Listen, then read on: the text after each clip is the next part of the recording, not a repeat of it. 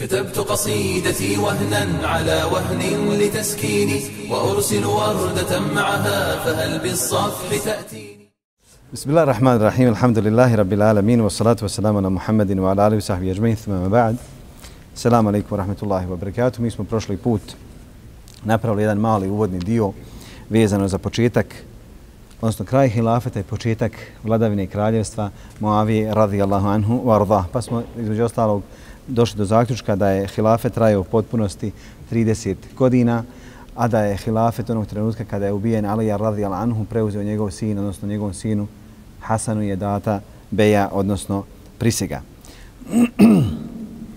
od Muaz ibn Džebela, od Ebu Bejdes prenosi rekao Allahom poslanik sallallahu alejhi ve sellem ova stvar je počela sa milošću i sa vjerovjesništvom, zatim će biti milost i hilafet. Zatim će kad doći do čvrstoga, čvrstoga kraljestva ili vladavine kraljeva, zatim će, kaže, doći do prelaženja granica, zatim sile fesada na zemlji. Dozvoljavaće svilu, dozvoljavaće blud, alkohol i bit će im data i obskriva preko toga i bit će potpomagani sa time, a onda će se susreti sa Allahom te bareke wa ta'ala. Alaikum salam wa rahmatullahi wa barakatuh.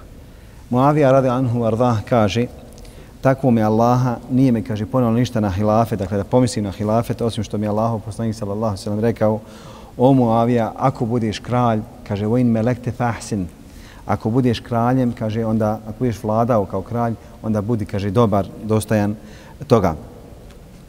Također u predaje Muavije kada je bio sa Allahovim poslanikom sallallahu alejhi ve sellem rekao mi Allahu poslanik sallallahu alejhi ve sellem o Muavija ako ti bude data vlast boj se Allaha i budi pravedan. Kaže Muavija radi anhu arda bojio sam se da ću biti iskušan sa tim poslom koji je rekao Allahu poslanik sallallahu alejhi ve sellem a u predaju Dražda ibn Sa'ada od Muavije kaže rekao Allahu poslanik sallallahu alejhi ve sellem ako budeš tragao za muslimanskim sramotama znaj da ćeš ih muslimane uništiti. Ebu Derda kaže riječ koju, sam ču, koju je čuo Muavija od Allaha poslanika sallallahu alaihi wa sallam i tamo je riječ, kaže, poslije i koristila. Ebu Derda prenosi da je Allaha poslanik sallallahu alaihi wa sallam rekao jednom prilikom sam se, kaže, spavao, vidio sam, kaže, knjiga kako je ponešena ispod moje glave, pa sam, kaže, mislio da će biti odnešena skroz. Zatim je kad je popratio je moj pogled, pa je prenešena u Šam. A iman je tamo gdje je pala, odnosno gdje se desiti onaj fitna, to jeste u Šamu. Od Abdullaha ibn Kajsa se prenosi da je rekao, čuo sam Omera ibn Hataba da je rekao Allahu poslanik sallallahu alejhi ve sellem, vidio sam snop svjetlosti kako je izašao ispod moje glave, pa je obasao nebo, a onda je, kaže, ustoličio se u Šamu.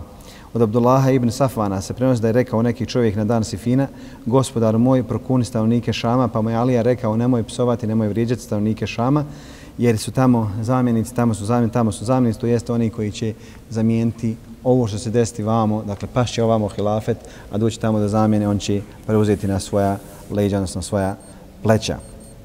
Muavija radi Anhu Arva je, dakle, sin od Ebu Sufjana, Sahra ibn Harba ibn Umeje, pisac ili pisar objave Allahova poslanika, sallallahu alaihi wa sallam, primio islam on i njegov otac i njegova mati Hind bint Utbe ibn Rabija ibn Abdu Šems na dan oslobađanja Meki. Od Muavije se prenosi da je rekao primio sam islam na dan kad su onaj obavljali ponovnu umru, ali sam, kaže, krio svoj islam od svoga oca sve dok, dok se nije Meka oslobodila. Ebu Sufjan je bio pogla, poznat po tome da je bio uglednik među Kurešijama još u džahilijetu, a, ali su Kurešije njemu nakon izgubljene bitke na Bedru, prepustili totalnu vladavinu Kurešija, odnosno Mekije. Njegov otac je bio vođa u ratovima.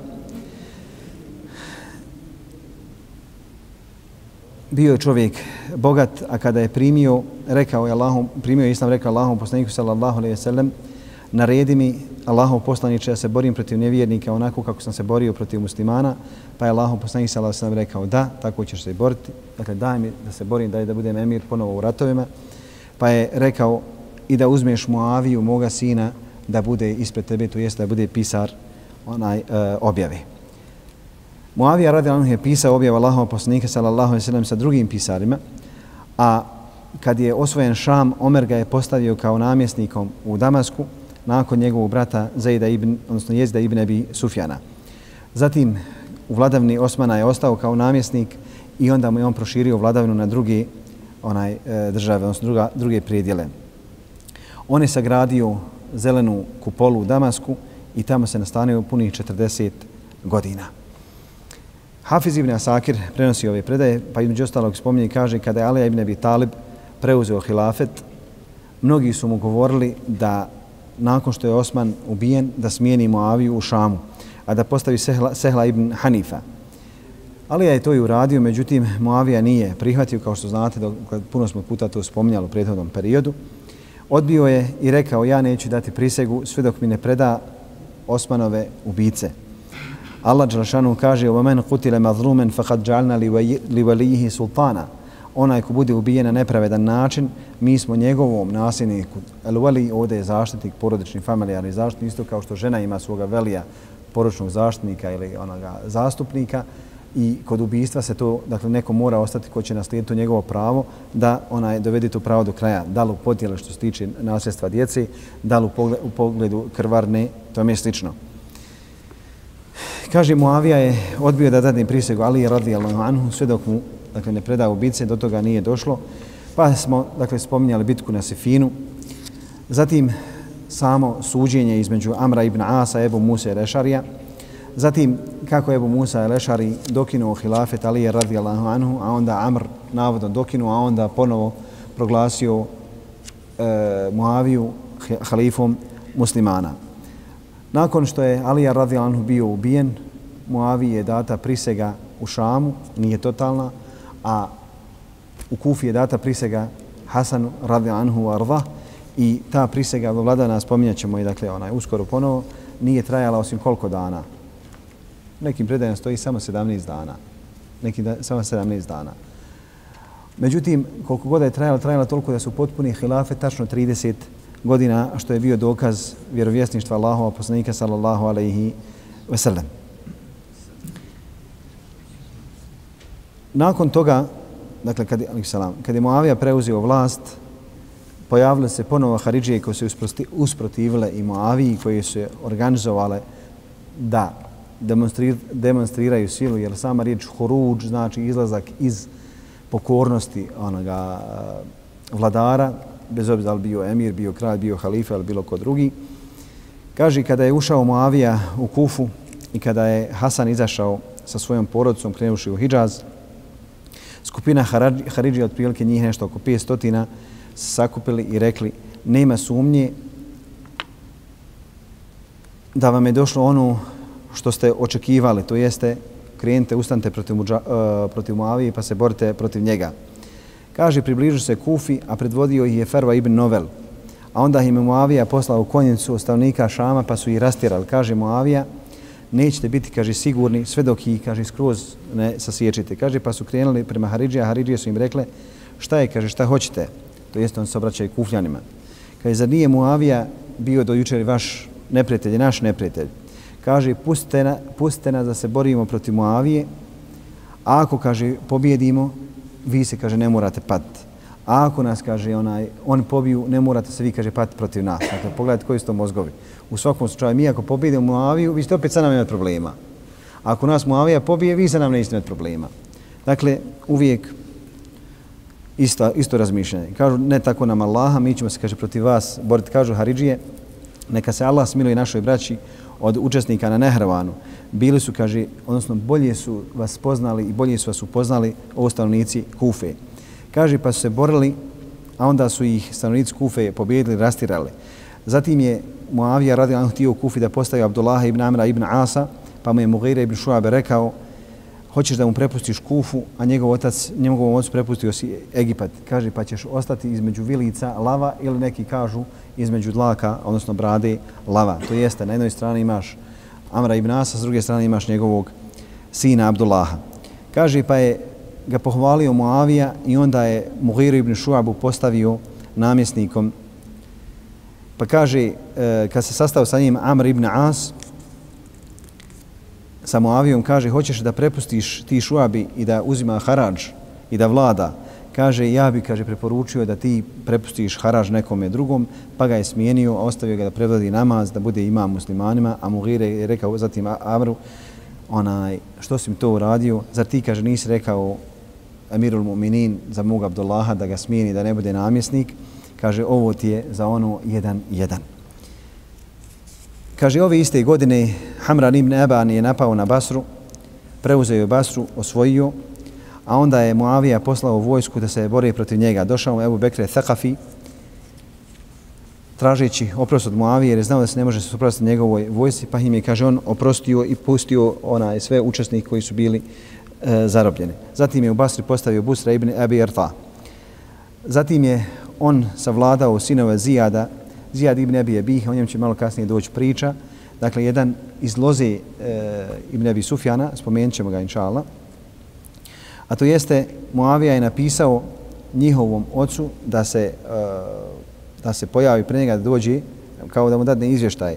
Pa mu je napisao Busr odgovarajući ovome e, namjesniku od plemena Beni Bekre, kaže ako ne požuriš prema Emirul Mu'minin, pobiću ti, kaže, sinove. Pa je Ebu Bekre napisao Moavi, žalajući se na njega. Kaže njemu Moavija, ima li, kaže, kakav ugovor da ti je nama ponudio da mi tebe ostavimo u životu? Kaže, ima Emirul Mu'minin, ti, kaže, gledaj u sebe i one kojima ti vladaš. Čini dobra djela, a znaj da si uzeo veliku stvar. Uzeo si da budeš halifa Allahom i subhanahu wa ta'ala stvorenjima. Boj se Allaha, imaš, kaže, jedan cilj koji ne možeš nikako prestići. Dakle, ne možeš više od toga postići. Iza tebe postoje oni koji traže malo, a još je, kaže, malo, još je malo, kaže, ostalo da to ne postignu. Misleći ovdje na šta? Na prolazak života, dolazak smrti, meleka smrti, tako dalje. Kaže, a onda dolaziš da polažeš račun, bit ćeš zaustavljen i nemoj, kaže, ništa žrtvovati za zadovoljstvo, odnosno odnosno na zadovoljstvo Allaha te bareke vetala. Ove godine je Muavija e, postavio Abdullaha ibn Amira kao namjesnikom u Basri, a kad je htio da ga smijeni da postavi Utmu ibn Abi Sufjana, rekao mu ibn Amir, imam ja, kaže, imetak u Basri, ako, kaže, mene smijeniš, kaže, sve ću izgubiti, pa ga je ostavio. Ove godine je predvodio hađ Utbe hađ Utbe ibn Abi Sufjan, a Vahdi kaže, hađ je predvodio Ambese ibn Abi Sufjan, Allah najbolje zna. Oni koji su umrli ove godine, Rufa ibn Rafija ibn Malik, zatim Rukana ibn Abdulaziz. Rukana ibn Abdulaziz je bio poznat po tome što je bio čovjek koji nikad niko nije savladao u hrvanju osim ko? Poslanik sallallahu alaihi sallam. Jedino ga je poslanik sallallahu alaihi sallam bacio na zemlju, a nikad ga niko nije onaj uspio savladati. Zatim Safan ibn Umeje, ibn Halef, ibn Vehb, ibn Huzafe, ibn Vehb el-Kureši, jedan od velikana i uglednika Mekke, pobjegao od Allaha poslanika sallallahu alejhi ve sellem kada je Allah poslanik sallallahu alejhi ve osvojio oslobodio Meku. Zatim je došao, prihvatio islam i potvrdio svoju pripadnost islamu. Za njega se zauzeo Umeir ibn Vehb el-Džumehi, bio je njegov prijatelj u džahilijetu. Kada je došao je u vrijeme Ikindije, tražio je sigurnost, pa ga Allah poslanik sallallahu alejhi ve sellem dao mu sigurnost četiri mjeseca. A onda je od njega Allah poslanik sallallahu alejhi ve sellem uzeo štitove, oružje i metka u zakupninu i na taj način ga Allah poslanik sallallahu alejhi pustio posle onaj da dokaže svoju pripadnost, svoju iskrenost u islamu. Na Huneinu je Safan učestvovao u borbi kao mušrik, zatim je prihvatio islam i kažem to je potvrdio. Ove godine umro je Osman ibn Talha, također on je prihvatio islam, kad je prihvatio islam je Khalid ibn Velid i Amr ibn As, prve godine, to jeste godine, osme godine, godine osvajanja oslobađanja Mekke. Allahu poslanik sallallahu alejhi ve sellem je dao ključeve Kabe i rekao inna Allaha yamurukum an tu'addu al-amanat ila ahliha. Allah vam naređuje da emanete pripadate predate onima kojima pripadaju. Pa je rekao uzmi i Osmane za uvijek, prenoseći s jednoga na drugoga, neće od vas, kaže, uzeti ove ključeve osim nepravednik. Jednom prilikom je Alija zatražio, pa je Osman mu rekao da me Allahom poslanik sallallahu alejhi ve poručio da ključeve ostaju uvijek u njegovoj lozi. Amr ibn Esved al-Sekuni, poznati, poznati Abid, Zahid, nosio je, kaže, na sebi jedan ogrtač vrijednosti 200 dirhema, a samo bi ga oblačio kad bi klanjao noćni namaz. A kada bi izlazio u džamiju, stavio bi desnu preko lijevi onaj, ruke, bojeći se da ga neko ne pomisli kako je ohol. Prenosio je hadise od Muaza, od Ubadi ibn Sabida, od Irbada ibn Sari i drugih. Imam Ahmed poglavio Zuhd, prenosi predaju da je Omer ibn Hatab rekao ko hoće da gleda uputu Allahova poslanika sallallahu alejhi ve sellem neka pogleda Amra ibn al-Aswada. Ove godine preselila i Atka bint Zaid ibn Amr ibn Amr ibn Ufejl ibn Abdul Uza. Njen muž je bio Ubejdula ibn Abi Bekr, pa kad je on poginuo, oženio je Omer, a rekla je da se neće ni za koga udati. Oženio je zatim Omer radil Anho, bio je njen Amidžić. Kada je ubijen Omer, oženio je Zubair ibn al-Awam. Kada je ubijen Omer, zaprosio je Ala ibn Abi Talib, ona mu je rekla, ako se udam za tebe, ubiće i tebe, neće, kaže, za tebe udat. I nije se za njega udala, radi Allahu anhum ajma'in. Zatim je nastala 42. godina. Ove godine su muslimani napali na, na Lan i na Bizantiju, uh, gdje su, dakle, u bitkama pale mnoge žrtve sa strane Bizantijaca. Zatim su zarobili mnogo imetka i ove godine Moavija postavio Mervana ibn Hakema, namjesnika u Medini. U je postavio Halida ibn Asa ibn Hišama. Ove godine se ponovo Haridžije probudile i to oni kojima je Alija već bio jedan put halalio na dan Nehravana, kada im je pružio priliku, odnosno uh, uzio da liječi njihove oni ranjeni, kada je došla do njih vijest da je Alija radi Lanhu ubijen, ubijen, oni su donosila rahmet na Ibn Mulđima, pa su govorili neće Allah sasjeći ruku koja drži, kaže, sablju protiv njih. To jeste kogod se bude borio protiv ovih, to jeste ashaba, Alije, Hasana, Huseina ili Moavije, Allah Đelšanu kaže će tu ruku da uvijek pomogne. Dakle, uvijek kažem, pogledajte kakva su ubeđenja prema ashabima. Onda šta očekujemo mi danas, kako će gledat na nas. Kad zahvalivali su Allahu subhanahu wa ta'ala, a onda su se, kaže, dogovorili da će oni ti biti koji će naređivati dobro i isprečavati zlo, onako kako su tvrdili. Ove godine je Zijad ibn Abi, ibn Abi došao kod Moavije, a nije prihvatio da mu dadne prisegu punu godinu dana, nego se ustoličio u palač, odnosno u tvrđavu koja se zvala Kalatu Zijad ili Zijadova tvrđava. Pa mu je Moavija napisao šta ti je, pa sam sebe hoćeš da uništiš, dođi i saopšti mi ono što dakle, je ostalo kod tebe od metka od Perzijanaca. Ako si, kaže, nešto potrošio, potrošio se, ako nešto ima kod tebe, donesi i reci. I kaže, siguran si. A ako hoćeš da ostaneš kod, ne, kod nas, tako će i biti. A ako hoćeš da odeš negdje da živiš drugo, to će ti biti pruženo i ti si, kaže, siguran. Onda je Zijad ibn Abih došao kod Moavije, pa kada je čuo Mugire ibn Šuabe da Zijad dolazi Moavi, kaže, požurio je e, uh, Mugire ibn Šuabe prema Damasku. Međutim, Zijad ga je prestigao mjesec dana. Kaže Moavija, šta je to Muhire?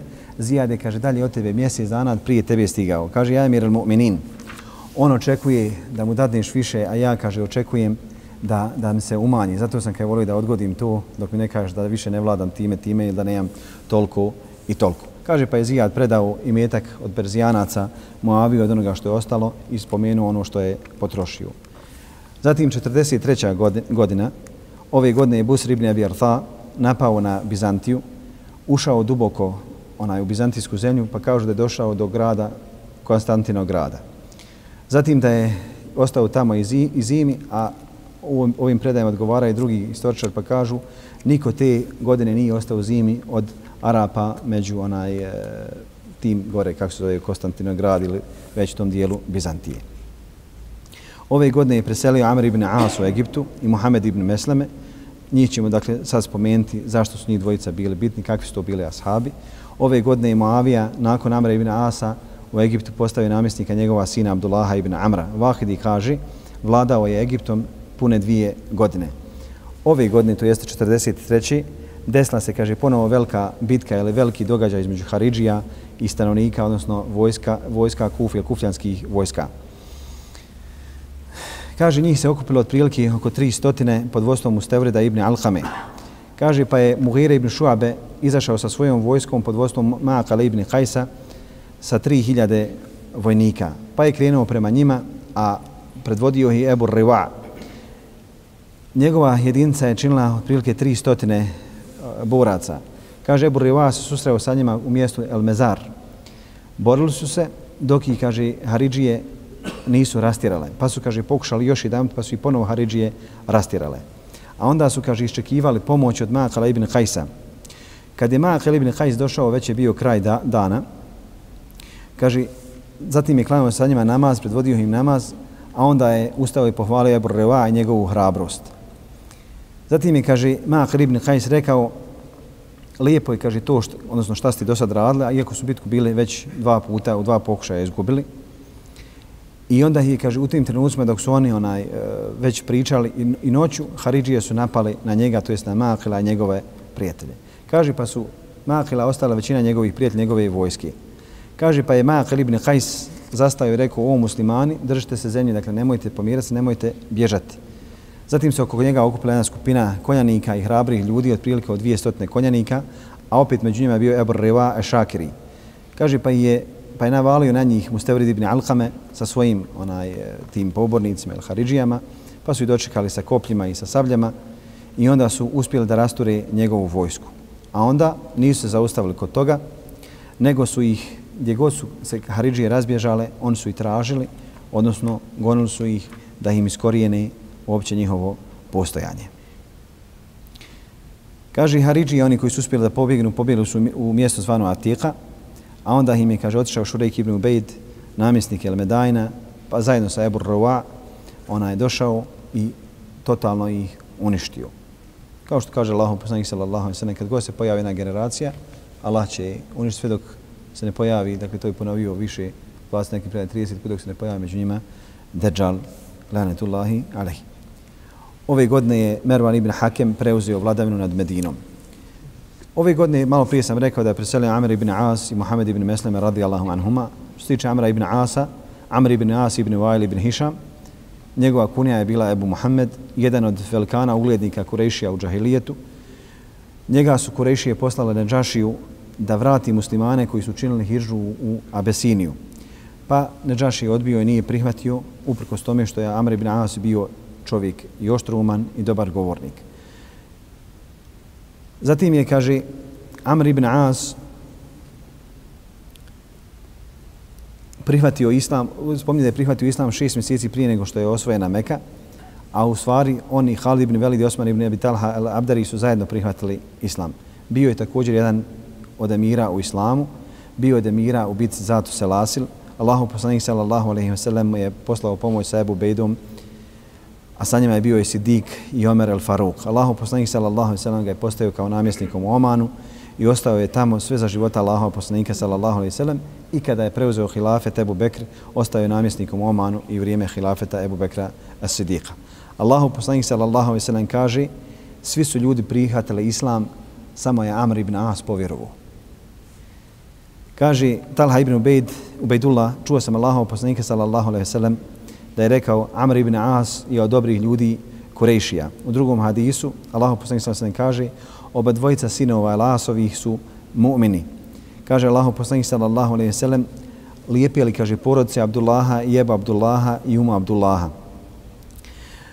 Zatim ga je u vladavni ili svom hilafetu Ebu Bekr Siddiq poslao zajedno sa onim emirima koji su otišli prema Šamu bio je od onih koji su učestvovali u svim ratovima, njegova se mišljenja uzela kao uvijek utemeljena i uvijek je zauzimao pametne i ispravne stavove.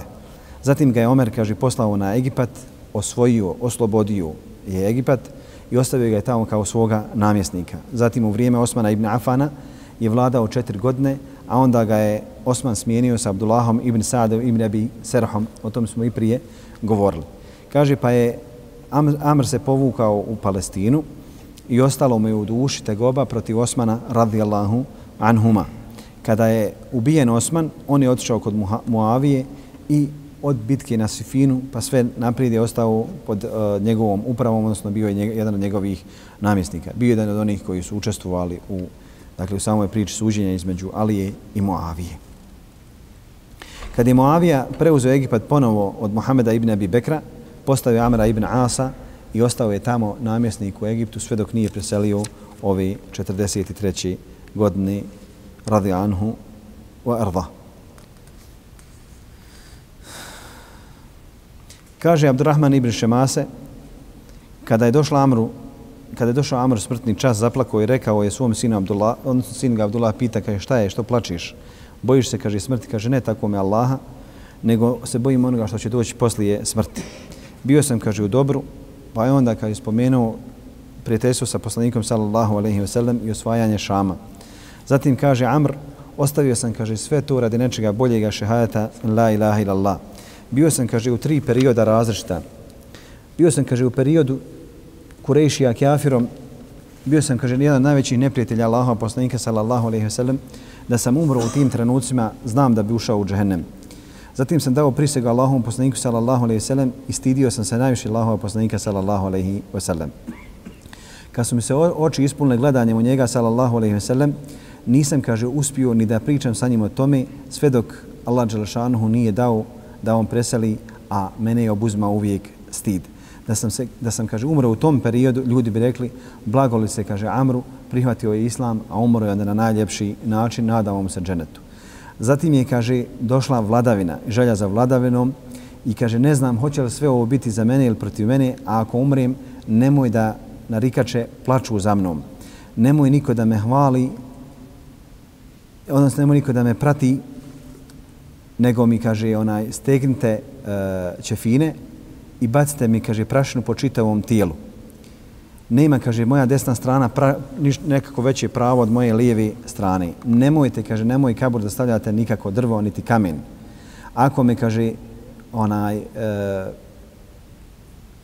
a kada mi dođu, kaže, meleci, kad me posade, ostanite, kaže, nekoliko trenutaka vi sa mnom da mi bude lakše dok ste kraj moga kabura. Kaže, onda se okrenuo prema zidu i rekao je, gospodaru, ti si nam naredio, mi se nismo pokorili.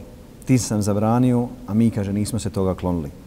Ne ostaje nam, kaže, ništa osim da nam oprostiš, a u drugom prida, e, drugoj predaji, kaže, stavio je ruku na, svo, na svoje vrat, podigao, kaže, glavu prema nebesima i rekao, Allahumme, nisam jak, pa mi pomozi. Niti sam, kaže, nevin, nego mi oprosti. Ne negiram, ali ti mi, kaže, oprosti moje grijehe. La ilaha illallah, illa ent, la ilaha illa ent, Zatim je, kaže, ponavljao sve dok nije preselio. Što se tiče ove godine, malo prije sam spomenuo Muhammeda ibn Meslava Lansarija, prihvatio islam, islam od Musaba ibn Umeira i tu prije Usejda ibn Hudejra i Seada ibn Muaza, pristvojio na Bedru i svim ostalim bitkama, osim na Tebuku, jer ga je Allah poslanik sada se ostavio namjesnikom u Medini. Bio je poznat po čemu? Njega sam toliko puta spomenuo, valjda je neko zapamtio. Mohamed ibn Meslav je bio šta? Diverzant. Pa je, pa je on bio taj koji je naveo Kaba ibn Evešefa, jehudija, jevreja, da ga izvede iz njegove palače i reviđu Allahova poslanika, sallallahu alaihi wasallam. Također, on je završio priču sa Murahabom, jevrejom, također na dan Hajbera. Allahu poslanik, sallallahu alaihi wasallam, ga je poslao 15 puta u izvidnice, dakle iznice koji su prethodile, odnosno jest prethodile bitkama. Kada je došla bitka na oko Deve i na Sifinu, on je poslušao savjet Allahova poslanika sallallahu alejhi ve sellem i napravio sebi mač od drveta. Sve s ciljem da nikoga šta ne ubi. Jer Allahov poslanik sallallahu alejhi ve sellem mu naredio da se kloni fitne, pa je kaže izašao u Rebzu, bio je od uglednih ashaba i učestvovao je uvijek sa Allahovim poslanikom sallallahu alejhi ve sellem. Kada je umro, Neki kažu da je umro u 46, neki kažu da je 47, a imao je više od 70 godina. Ove godine je preselio Abdullah ibn Selam, Ebu Jusuf, Ezraelićan, jedan od ahbara jevreja, prihvatio islam onog dana kad je Allah poslanik sallallahu alejhi ve ušao u Medinu, njegova priča svima dobro poznata ili bi trebala da bude poznata. Kad je Allah poslanik sallallahu alejhi ve sellem ušao u Medinu, ljudi su pohrlili Allahom poslaniku sallallahu alejhi ve sellem i on je bio jedan između tih koji su pohrlili Allahom poslaniku sallallahu alejhi ve sellem. I kaže Abdullah ibn Selam, prvo što sam čuo od Allahova poslanika sallallahu alejhi ve sellem da kaže o ljudi širite selam. Hranite gladne, vežite rodbinske veze, učite u džennet sa spasom. Kaže, pa sam, dakle, spominjući svojstva Allahov poslanika, sallallahu alaihi wa sallam, kaže, znam zasigurno da ovaj čovjek ne, ne dolazi sa lažima. Allahov poslanik, sallallahu alaihi wa sallam, je njemu posvjedočio eh, da će ući u džennet i on je sigurno od onih koji će ući u džennet. Zatim, 44. godina, ove godine Abdurrahman ibn Khalid ibn Velid napao na Bizantiju zajedno sa muslimanima, i kaže Ibn Kathir da su te godine i ostali preko zime. Ove godine Busr ibn Abi Arfa krenuo da napadne putem mora, pa ga je, kaže Muavija, zamijenio Abdullahom ibn Amirom, dakle postao njega namjesnikom u Basri. U Basri je se već raširio Fesad, a Busr je bio po naravi blag čovjek. Dakle, ako bi neko krao, on mu ruku ne bi osjekao, nego je želio na taj način da se približi ljudima. Pa je Abdullah ibn Ebi Eufa poznat po imenu Ibn al-Kewa, otišao u Muavi i požalio se. Pa ga je Muavija smijenio i postavio Ibn Amira namjesnikom u Basri, a onda je, kaže, posla, poslao Harsa ibn Abdullaha Elezdija. Kaže, pozvao je sebi Ibn Amira u Damask da ga počasti, pa mu je Muavija rekao, slušaj, ja ću ti kaj zatražiti tri stvari, a ja sam Ibn Um Hakim, dakle, ja sam od takve takve žene. Kaže, vrati mi ono na što sam te postavio kao namjesnika i nemoj se ljutiti. Kaže Ibn Amir, nema problema, vraćam ti namjesnik, nisam više tvoj namjesnik. Kaže Muavija, daj mi, kaže, svoj metak na refatu. Kaže, dajem svoj metak na refatu. Kaže, pokloni mi svoje kuće u Meki. Kaže, poklanjam svoje kuće u Meki. Pa zatim kaže Ibn Amir njemu, ja Amir al mu'minin, tražit ću tebe tri stvari, a ja sam, kaže, Ibn el Hind. Vrati mi, kaže, moj metak sa refata, što sam ga malo prije uzeo. Kaže mu Avija, vraćam tvoj metak sa refata. Nemoj, kaže, da sudiš nikome od mojih namjesnika ili amira koji sam ja slao. Kaže, neću nikom suditi. I kaže, oženi me sa svojom čjerkom. Kaže, oženio sam sa svojom čjerkom. Dakle, ona je od njega tražio tri stvari, ovaj njega i svako je dobio ono što je tio. Kaže, Ibn Kathir, Muavija mu je ponudio tri stvari, to jeste da vlada u Basri, ili da dobere ove tri stvari, ili da ostavi Basru, kaže, pa je ostavio vladavinu. Ove godine je Muavija pripori, pripojio Zijada ibn Abi, ibn Abi, odnosno ibn Abi Sufjan. Šta to znači? Neki čovjek je došao i posvjedočio da je Ebu Sufjan počinio blud sa Sumejom majkom od Zijada i to u džahilijetu. I da je ona zanijela, zatrudnila i rodila Zijada i Zijad nikad nije imao ime svoga oca, nego je zvao se kako? Zijad, sin svoga oca. Dakle, nema imena. Kaže, pa je Moavija prihvatio ovo svjedočenje i onda ga pripisao da je sin od Ebu Sufjana. To jeste da je njegovo šta? Vambračno dijete. Kaže Hasan Basri, njemu je zasmetalo ovo pa je rekao, Allahu poslanik sallallahu alejhi ve sellem je rekao, dijete se pripisuje postelji, a bludniku je kamen. Šta to znači biti se pripisuje postelj?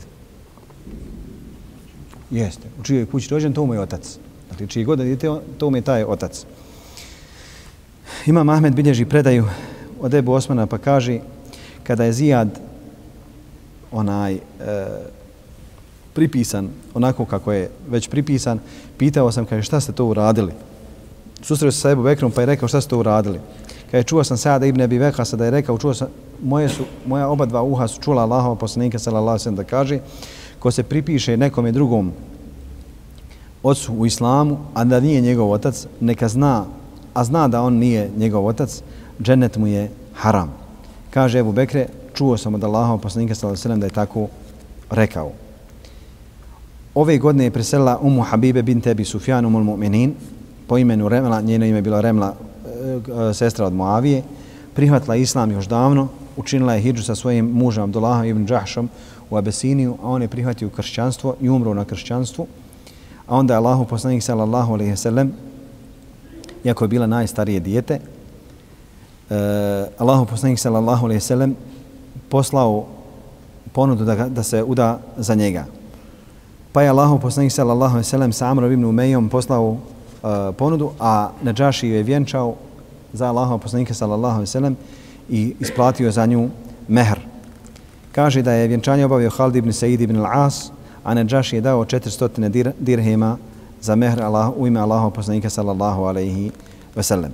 Kada je u godini oslobađanja Mekke njen otac Ibn Abi Sufjan došao i ušao kod nje u kuću, nije bilo Allahov poslanika sallallahu alejhi ve sellem, a ona je pomakla šilte i rekla kaže Ebu Sufjan njoj, kaže kćer, ne znam jel čuvaš mene od šiltete ili šilte od mene. Kaže ona, ne, nego ovo je šilite Allahova poslanika sallallahu alejhi ve sellem, ti si kaže čovjek mušrik. Kaže on tako me Allaha kćeri, posto ovoga nema kaj za mene dobra. Dakle, kad ti tako se ponašaš prema meni, ja sam, kaže, završio. Auf ibn Haris kaže, čula sam Aishu, odnosno čuo sam Aishu da je rekla, pozvala me Umu Habibe u trenutku kad će umrijeti, pa je rekla, kaže, između mene i tebe je bilo nekih sporova jer smo bile inoće. Kaže, halali mi, Allah ti oprostio, kaže, halalim ti ti meni halali. Tako je lijepo kad inače jedna druge halali. Zatim 45. godina, ove godine je Muavija postavio u Basri, kao što su tamo spomenuli za 44. postavio je u Basri Harsa ibn Abdullaha el-Ezdija, zatim ga je smijenio nakon četiri mjeseca, onda je postavio Zijada ibn Abi Sufjana, ono što smo ga malo prije spomenuli. Kaže, kad je Zijad došao u Kufu, Mughire je vladao Kufom, pa su mu došli zaslanici Muavije da je on namjesnik Basri.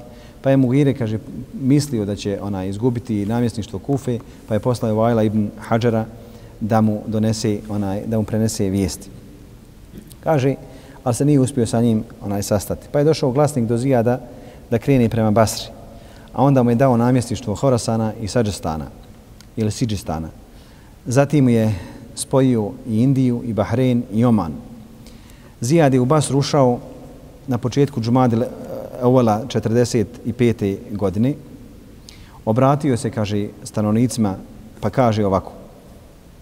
Kad je vidio da mnogo, da su grijesi zavladali, kaže, o ljudi, kaže, kao da nikad niste čuli šta je Allah pripremio za nagradu onima koji se pokoravaju i kazni od onoga koji se ne pokoravaju. Kaže, kao da vam je, kaže, Dunjaluk stisnuo sa oba, oba dvije strane. Kao da vam je otišlo sve od vaših čula i da su vam to osvojile vaše stva, strasti. Odabrali ste prolazno za onim što je vječno. Kaže, a onda je uspostavio svoju vlast i ponovo među njih stavio, kaže, sablju, to jeste, dakle, sudio im. Sve se, kaže, ljudi nisu onaj, počeli njega bojati i ostavili se grijeha i fesada javnoga onaj, e, zbog straha od zijada. U tome su mu, kaže, pomagali i skupine ashaba koji su živjeli sa njim u tom vremenu. Kaže Šabi, nikad u životu nisam, kaže, čuo čovjeka da lijepo, kaže, priča, a da se nisam bojao da neće do kraja svoju priču loše završiti. Osim zijada, bio je, kaže, sposoban da kad priča, da ga moraš, moraš slušati, to jeste, imao je stil. Za njega je rekao, odnosno rekao je, ine emir al mu'minin, kad je Hakem ibn Amr uh, napao na Horasan, kaže, osvojio mnogi metke, pa je kada je došao Zijad i on kaže, zaista je Mir al-Mu'minin naredio svojom, kaže, knjigom poslao je Ferman da njemu pripada i bijelo i žuto, dakle misleći na srebro i na zlato. Kaže, sve to kaže što si osvojio, pripremim pošalje Muavi. Kaže Hakem ibn Amr, Allahova knjiga je iznad, kaže, knjige Emirul Mu'minin. Tako mi Allaha, da su nebesa i zemlja, moj, kaže, neprijatelj, a da se, kaže, ja bojim Allaha, ne bi mu, kaže, ja ona izašao niti mogu, kaže, ponio. Zatim je, kaže, povikao među ljudima, o ljudi, hajte, kaže, da vam podijelim ovaj plijen, a petinu je izdvojio, suprostavio se Zijad, petinu je izdvojio i poslao Moavi. A onda je rekao, gospodaru moj, ako ima kakvog hajra za mene i kod tebe, ti me, kaže, uzmi sebi. Kaže, pa je umro na tom putu prije što je došao, dakle, izašao iz Horasana u mjestu El Morub. Ove godine je hađije na hađu predvodio Mervan ibn Hakem. Ove godine je preselio Zaid ibn Sabit el-Ansari, jedan od pisara objave. Zaid ibn, ibn Sabit el-Ansari je bio poznat po čemu? Brzo učio strane jezike. Pisao je Musaf Allahova poslanika sallallahu alaihi sallam, odnosno onako kako je Allahov poslanik sallam bio objavljen. I to dok još bio u Šamu po naredbe Osmana ibn Afana i to sa lijepim rukopisom, kaže Ibn Kethir, jedan od najautentičnijih rukopisa koji je ostao do mog vremena. Zaid ibn Thabit je bio veoma oštrouman čovjek. Hebrejski, hebrejski jezik je naučio za 15 dana. Ebu Hasan ibn Bera kaže perzijski jezik je naučio od kisrenog izaslanika za 8 dana, halalte za 18 dana.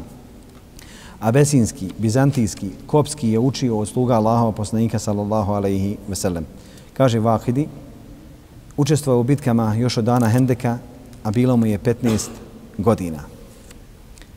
Imam Ahmed i Nesaj bilježi predaju da je za njega rečeno najbolji onaj koji poznaje podjele miraza je Zaid ibn Thabit. Omer ibn Hatab ga je postavio kao kadijom, a Mesru kaže Zaid ibn Thabit je bio od onih koji su rashin, to je koji su stolčani u znanju. Muhammed ibn Amr prenosio je debi Seleme od ibn Abasa da je, jezid, da je halal, da je Zaid ibn Thabit e, uzeo povodac konja pa mu je rekao Ibn Abbas odnosno je rekao Ibn Abbasu umakni se Amirđić Allahova poslanika sallallahu alaihi ve sellem Abbas uzeo povodac njegove jahalice. kaže ne ovako mi kaže cijenimo našu lemu i naše velikane Od Ubejda se prenosi da je rekao Zaid ibn Sabit je bio od najčitljivijih ili najvećih govornika od E, ljudi svoga vremena. Kaže jednom priliku Muhammed ibn Serin prenosi da je Zaid ibn Sabit izašao na namaz pa je vidio ljudi kako se vraćaju sa namaza pa se sakrio da ga ne vidi. Kaže ko se ne stidi ljudi ne stidi se ni Allaha. Umro je kaže ove godine a imao je 55 godina. Ove godine je preselila odnosno preselio Selama ibn Selam ibn Vakas 70. godini pristupo je na Bedru i svim bitkama poslije njega. Ove godine je preselila Hafsa kći od Omera radijallahu anhu, mu'minin, Prije Allahova poslanika sallallahu alejhi ve sellem bila je žena od Huneisa ibn Huzafe Sehmija, učinila je hidžu sa njim u Medinu, a onda je on preselio nakon bitke na Bedru. Kada je prošao Idet, njen otac Omer je ponudio Osmanu, Osman je odbio, zatim je ponudio Ebu Bekru, pa je Ebu Bekru odbio, onda je Allahov poslanik sallallahu alejhi ve sellem je zaprosio, a Omeru je to palo teško, bilo mu je teško što neće niko njegovu ćerku.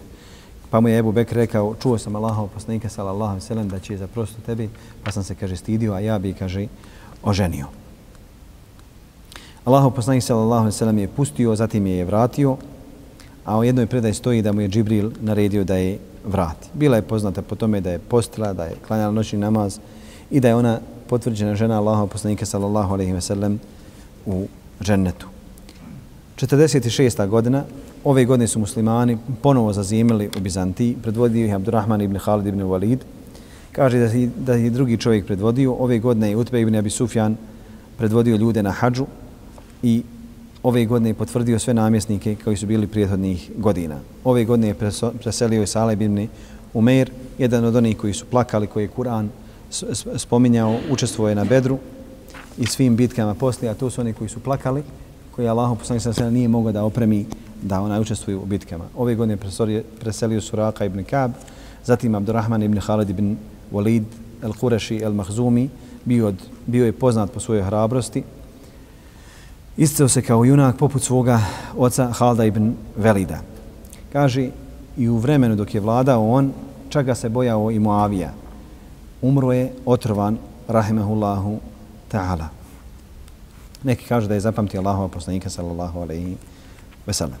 Zatim je nastala 47. godina i ove godine su muslimani ostali u bizantinskim zemljama, ove godine Muavija e, smijenio Abdullah ibn Amra ibn Asa u Egiptu, zatim je postavio Hudejđa, a Utbe je predvodio ljude na hađu. Ove godine je preselio Kajs ibn Asim il Menkari, jedan od uglednika, uglednika i u džahilijetu u islamu.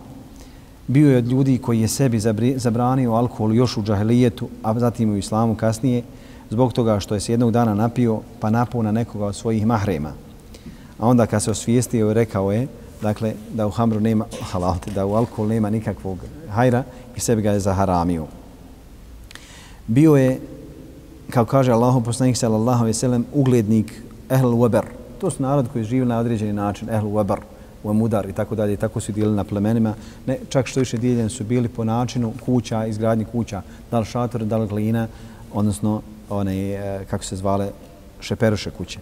Kaže Esmej, čuo sam Amara ibn Ala od Ebu Sufjana da se prenosi od ibn Ala da su rekli. Rečeno je Ahnefu ibn Hajsu od, od, od koga se učio blagost.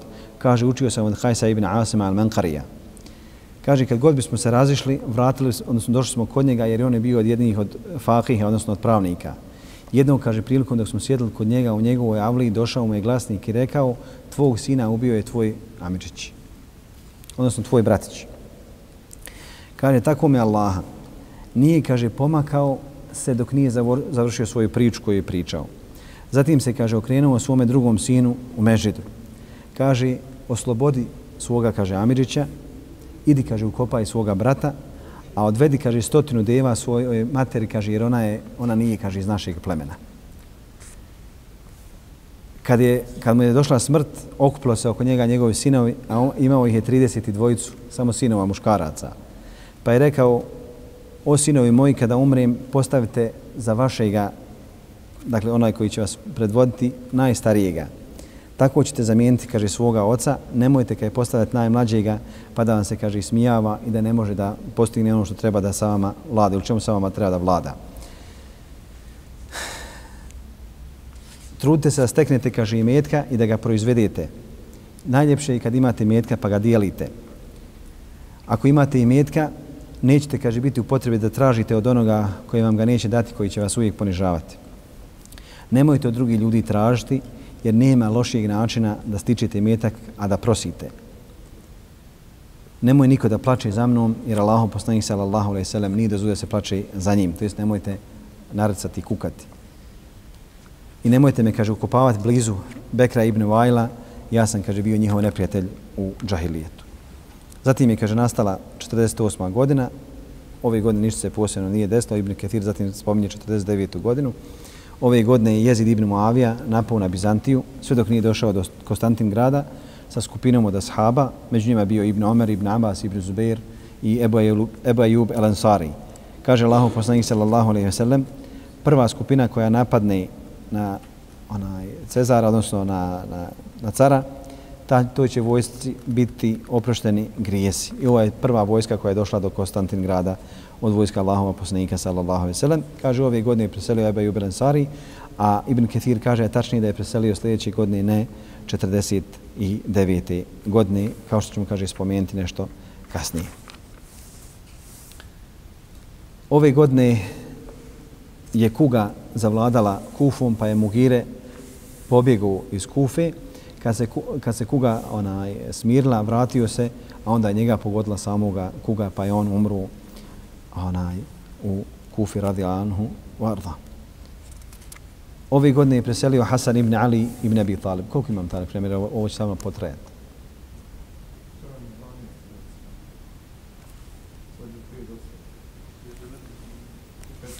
Ajde, završimo šala. Ako mi završimo, da nam Allah oprosti. Hasan ibn Ali ibn Abi Talib, Ebu Muhammed al-Qurashi al-Hashimi, unuk Allahov poslanika sallallahu sallam, sin njegove kćeri Fatime to Zahra, njegov miris, najsličnije stvorenje i nalik Allahom poslaniku sallallahu alaihi sallam, rođene polovinom Ramazana, treće godine po Hirži. Allahom poslanik sallallahu alaihi sallam ga je da pomazao mu je hurmama usta i svojom pljuvačkom i dao mu ime Hasan. Bio je stariji od dvojice sinova, dakle bio je stariji od Huseina. Allahov poslanik sallallahu alejhi ve sellem ga je volio do te mjere da Allahu poslanik sallallahu alejhi ve sellem kada bi klanjao on bi se popeo na leđa. Allahu poslanik sallallahu alejhi ve sellem ostao bi čim duže na seždi sve dok on ne bi sišao. Kaže jednom prilikom dok je Allahu poslanik sallallahu alejhi ve sellem držao hutbu na minberi vidio ili na minberu vidio je Hasana i Huseina kako se spotiču ispod minbere pa se spustio uzeo i popeo se na minberu sa njima. Pa kaže innema mualukum wa fitne. Vaši meci vaša djeca su zaista smutnja. Kaže Allahu poslanik sallallahu alejhi ve sellem vidio sam kaže ovu dvojicu kaže kako se spotiču. Nisam se kaže mogu suzdržati da se ne spustim. A onda je rekao innakum la min ruhillahi wa innakum la tubajjiluna wa tuhabbibuna vi ste kaže od Allahovog ruha vi ćete biti cijenjeni i vi ćete biti voljeni. Od Uqbe ibn Harisa se prenosi da je Abu Bekr klanjao sa njima i kindiju nakon smrti Allahova poslanika sallallahu alejhi ve sellem a zatim je izašao on i Alija da prošetaju. Pa je vidio Hasana kako se igra sa dječacima, a onda ga je ponio na svome ramenu i rekao, koliko, kaže, ličiš, Ebu Bekr kaže, koliko ličiš na Allahova poslanika, uopšte ne ličiš na svoga oca. Aliju kaže, pa se Alija nasmijao. Ebu Džuhajfe kaže, vidio sam Allahova poslanika, sallallahu alaihi sallam, i Hasan je najviše ličio na Allahova poslanika, sallallahu alaihi sallam. O Zuhair je se prenosi da je Enes rekao, Hasan ibn Ali je bio najsličniji licu Allahova poslanika sallallahu alaihi ve sellem. Od Hanija, od Alije se prenosi da je Hasan bio sličan Allahovom poslaniku sallallahu alaihi ve sellem u dijelu portreta, to jeste od prsa i glavi, a da je Husein bio tijelom nalik na Allahova poslanika sallallahu alaihi ve sellem. Od same Ibn Zejda kaže Allahov poslanik sallallahu alaihi ve sellem me je uzeo i posadio na svoje krilo, a sa druge strane posadio je Hasana na, na drugu, dakle na drugu stranu krila. A zatim nas je, kaže, zagrlio. Kaže, gospodaru, smiluj im se i ja sam, kaže, milosti prema ovoj dvojici. U drugoj predaji, ja, kaže, volim ovu dvojicu, pa ih, kaže, voli i ti. Kaže u drugoj predaji, u ahib mene habbe i voli onoga ko njega zavoli. Od Ebu Hureyre smio da je Allah poslani sam rekao Hasan ibn Aliju, Allahumme, ja ga, kaže, volim pa ga zavoli, zavoli onoga ko njega voli, a većinu ovih hadisa koji, citi, koji ću citirati vezano za Hasana ili Huseina se odnose halalte, se bilježi kod Buhari i muslima ili samo kod jednog od njih dvojice. Od Ebu Hureyre se prenosi, kaže, bio sam sa Allahovim poslanikom, sallallahu alaihi sallam, na nekoj tržnica Medine, Kaže, pa je otišao Allahom poslanik sallallahu alejhi ve sellem, otišao sam ja je za njim, pa je ušao u Fatiminu Avliju. Pa je zvao Lukea, Lukea, Lukea, Lukea se misli na Maksuma. Dakle, onoga koji dakle, ne može da razluči šta je dobro od lošega. Pa kaže, nikomu se nije odazvao. Pa je onda, kaže, krenuo Allahom poslanik sallallahu alejhi ve sellem i sjeo negdje u Avliji, kaže, pa je došao Hasan ibn Ali. Kaže Abu Hurajre, mislio sam, kaže, da ga njegova matka je zadržala da mu popravi odjeću. Kaže, kad je ušao Allahu poslanik sallallahu alejhi ve sellem, skočio na Allahu poslanika sallallahu alejhi ve sellem, a Allahu poslanik ga zagrlio, kaže, ja ga, kaže, volim i volim, kaže, onaj ko njega voli, pa je to ponovio tri puta, sallallahu alejhi ve sellem. Kaže Abu Hurajre, nikad nisam vidio Hasana, a da mi, kaže, oči nisu zasuzle. Ili zasužili su mi oči, Ibli kaže, zaplakao. Ovaj hadis se prenosi u uslovima od muslima, a nije ga zabilježio. Od Ebu Hureyre se prenosi da je Allahu poslanik sallallahu alejhi ve rekao ko voli Hasana i Huseina, voli i mene, onaj ko njih dvojicu mrzi, mrzi i mene, ovaj hadis je garib na, dakle, u ovome obliku. Čudan hadis. Ibn Mesud prenosi od Ebu Hureyre, Abdurrahman ibn Mesud prenosi od Ebu Hureyre, došao nam jednom prilikom Allahu poslanik sallallahu alejhi ve sa Hasanom i Huseinom, nosio ih oba dvojicu, jednog na jednom ramenu, drugog na drugom ramenu kaže pa se kaže jedan čas previo onaj preko glave, drugi čas previo mu se ovaj preko glave dok nije došlo poslanik sallallahu alejhi do nas.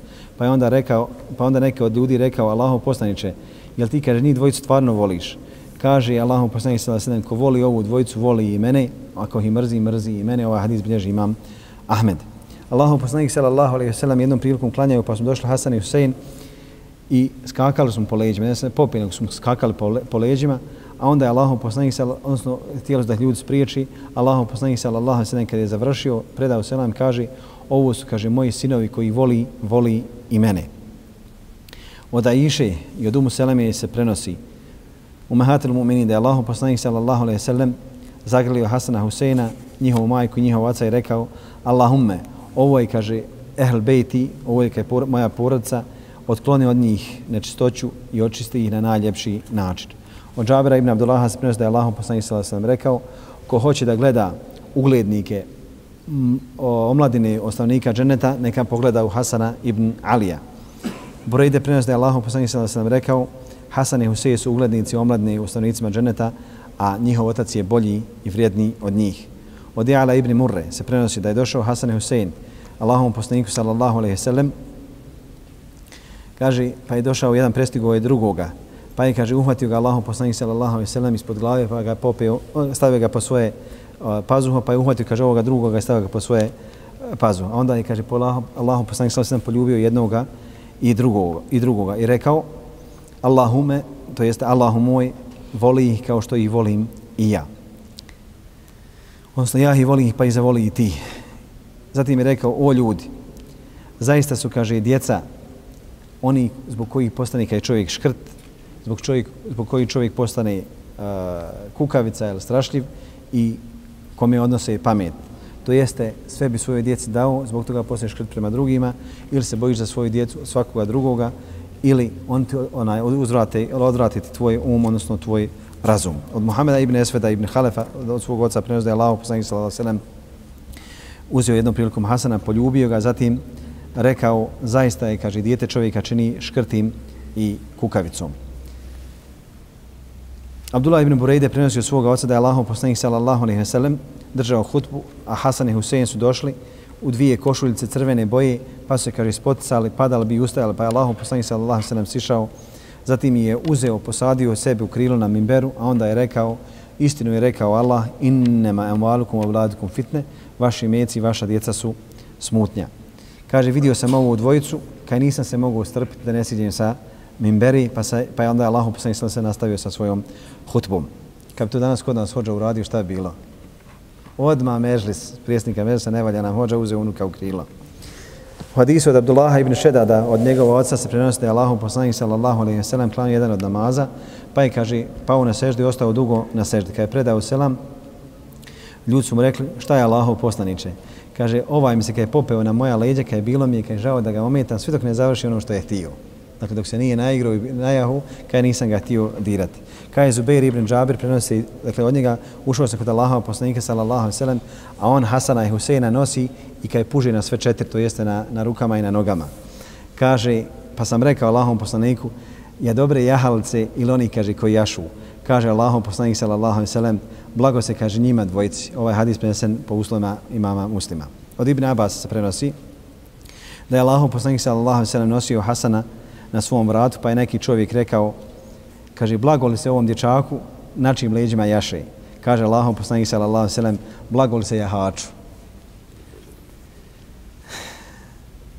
Kaže Allahom poslanik sallallahu alaihi sallam u hadisu od Ebu Hurajre, pogledao je u Aliju, Hasana, Huseina i Fatimu pa je rekao ja sam ja se borim protiv svakoga, odnosno ja sam uh, neprijatelj svakome koji je njima neprijatelj, a prijatelj sam svakome onaj koji je njima prijatelj. Allahu poslanik sallallahu alejhi ve sellem je rekao za Hasana, ovo je kaže uglednik. Ovo je moj kaže sin je uglednik. Nadam se da će Allah kaže izmijeniti velike dvije skupine muslimana njime, a o tome smo pričali, spomenući ga opet Ibn Kathir. Ovdje to je bio dokaz vjerovjesništva Allahova poslanika sallallahu alejhi ve sellem kad je prepustio hilafet Muavi radijallahu anhu. Onda kad je Osman bio opkoljen u svojoj kući, Hasan je uzeo svoju sablju i ne obazirujući ni na koga otišao je da štiti Osmana. Pa je Osmanu, kaže, palo, to tež, palo mu je teško da strada Hasan, a znajući da neće on izaći živ. Kaže, pa ga je zamolio, zamolio da napusti, da ga ostavi onaj, u nakom stanju kako jeste. Jednom prilikom Alija radila Anhu ga je pitao zašto ne održiš hutbu dok ja sjedim, kaže, među vama. Kaže, babo, stidim se da pričam dok ti tu. Kaže, pa je Alija otišao i sakrio se da ga Hasan ne vidi, a onda je, kaže, održao hutbu, složio je na najljepši način. A onda je, kaže, Alija rekao, dhurijetun ba'duha min ba'd, wallahu samijun alim. To su, kaže, potomci jedni od drugih, Allah najbolje čuje i on zna. Ibn Abbas bi uzimao povodac jahalci od Hasana i Huseina dok su bili jahači, pa je govor, dok bi jahali, pa bi rekao ovom su, kaže, blagodat koji mi Allah, kaže, dao da vodim, kaže, jahalci dok oni čini tavaf. Ljudi se, kaže, oko njih okupljali da su znali odgurati njih i njihove jahalce sve želje da ih poselame. Ibn Zbeir kaže, prenosi se da je Hasan klanjao sabah u, u džami Allahov poslanika sallallahu alejhi ve sellem, onda je ostao da zikri sve dok se ne bi sunce podeglo. A onda bi se oko njega okupili ljudi od uglednika Medine i ne bi, kaže, onaj, ustao dok se one ne bi razišle, onda bi otišao kod Umehatul Muminin, majki pravovjernih, da njih poselami. Kada je Muavija preuzeo hilafet, onda bi sačuvao krv muslimana i znajući šta se desilo između njega i Ali radi Anhum ežma'in, on je, kaže, prepustio hilafet Muaviji. A onda je Moavija njemu svaki godine poklanjao, dakle davao mu je poklone. 4000 dirhema mu je bila plata i to svake godine i plus 100.000. Jedne godine ga je bilo stid da ode po svoju platu, pa je, kaže, ona i Muavija zaboravio da mu je pošalje. A onda je najveće usnio san Allahom, odnosno usnio Allahom poslanika sallallahu alejhi ve pa kaže Allahom poslanik sallallahu alejhi ve hoćeš li tražiti od robova da ti da upotpunju tvoje potrebe. Kaže, pa je Hasan se ušutio, a onda je, kaže, Muavija poslao mu dvije stotine hiljada dirhema i rekao, nosite Hasanu, možda je zaboravio ili ga je stid, ili, ga, ili kaže, u nekom svome onaj halu.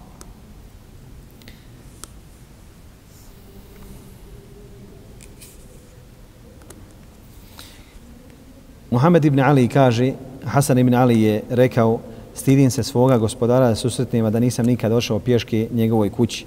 Kaže, obavio je hađ iz Medine do Meke 20 puta pješke. Učio je onaj na svojim, odnosno dok bi klanjao ili dok bi onaj uh, klanjao džume, učio bi suru Ibrahim.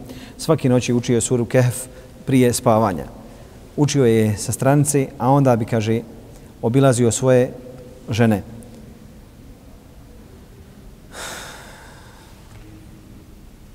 Bio je poznat po plemenu, to se kaže Muhammed ibn Serin, znalo se nekada desiti da Hasan dadne čovjeku po stotinu hiljada, hiljada dirhema.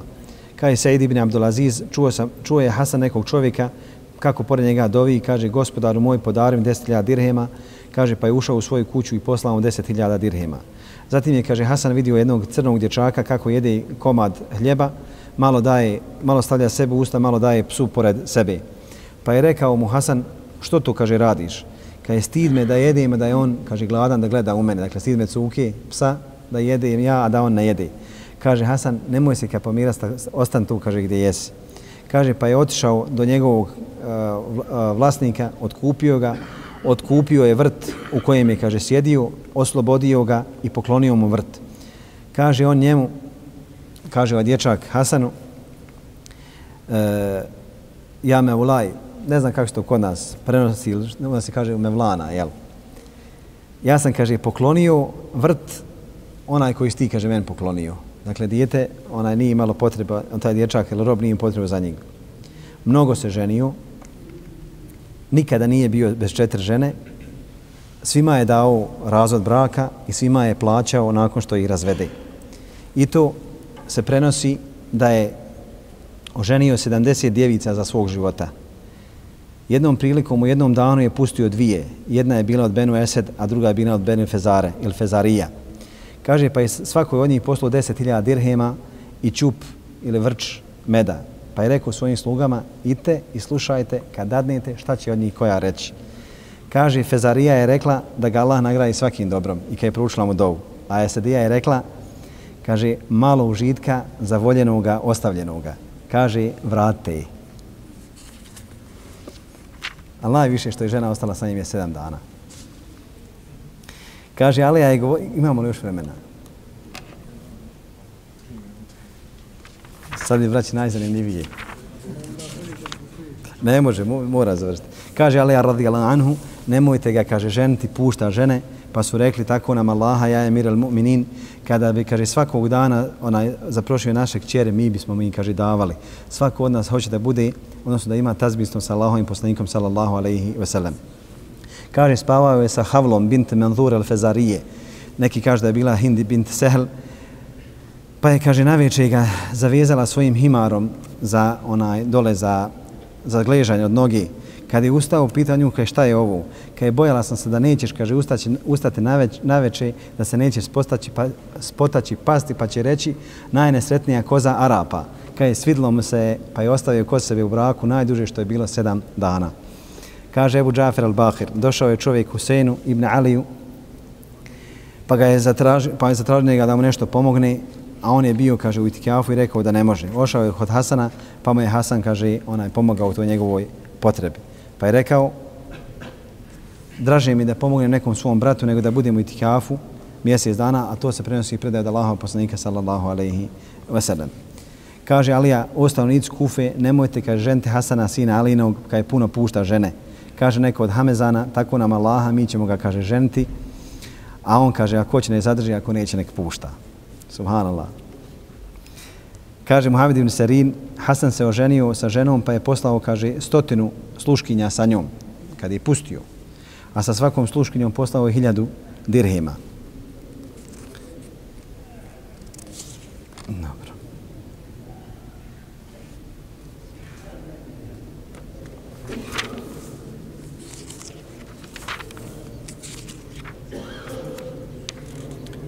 ovo se ponavljaju tekstovi, samo da, da završim sa njegovom smrću. Kada je Hasan radi Anhu preselio, Mervan ibn Hakem nije dozvolio da su kopa kod Allaha poslanika sallallahu sallam, iako je iša dozvolila. Kaže, zar ćete Osmana ukopati na baki, a njega da ukopate pored poslanika, tako nam Allaha nešto, jer on bio namjesnik u Medini. Kaže, ali Hasan prije toga ostavio oporuku ostavio oporuku svome bratu Huseinu i rekao, ako ne daj da se ukopam kod Allaha poslanika, ukopajte me na bakije umro je otrovan i kaže pljunuo je komad svoje jetre i rekao tako mi Allaha bio sam otrovan puno puta ali ovaj kad je put nisam mogao podnijeti. Ibn Ketir kaže predaje u kojima se govori da ga je otrovao Muavija nijedna nije vjerodostojna nego je otrovao neko, a i on sam nije htio, a znao je koga je otrovao. Kad je Husein rekao, reci mi ko te je otrovao, kaže, hoćeš ga ubiti, kaj hoću. Ja, kaže, neću da ti nosiš njegovu krv na sunjem danu, može se kad des da ubiješ nekako je nevin. I kaže, umro je i rekao je, volim da se susretnim sa svojim ubicom kod Allaha na sudnjem danu, ukopan je na bakijama, nedaleko od kabura svoje majke Fatime. Imao je 47 godina, radi Alanhu, wa arda. Wa sallallahu ala sallam, nabina Muhammed, bala Muhammed, جزاكم الله خير الجزاء كتبت قصيدتي وهنا على وهن لتسكيني وأرسل وردة معها فهل بالصفح تأتيني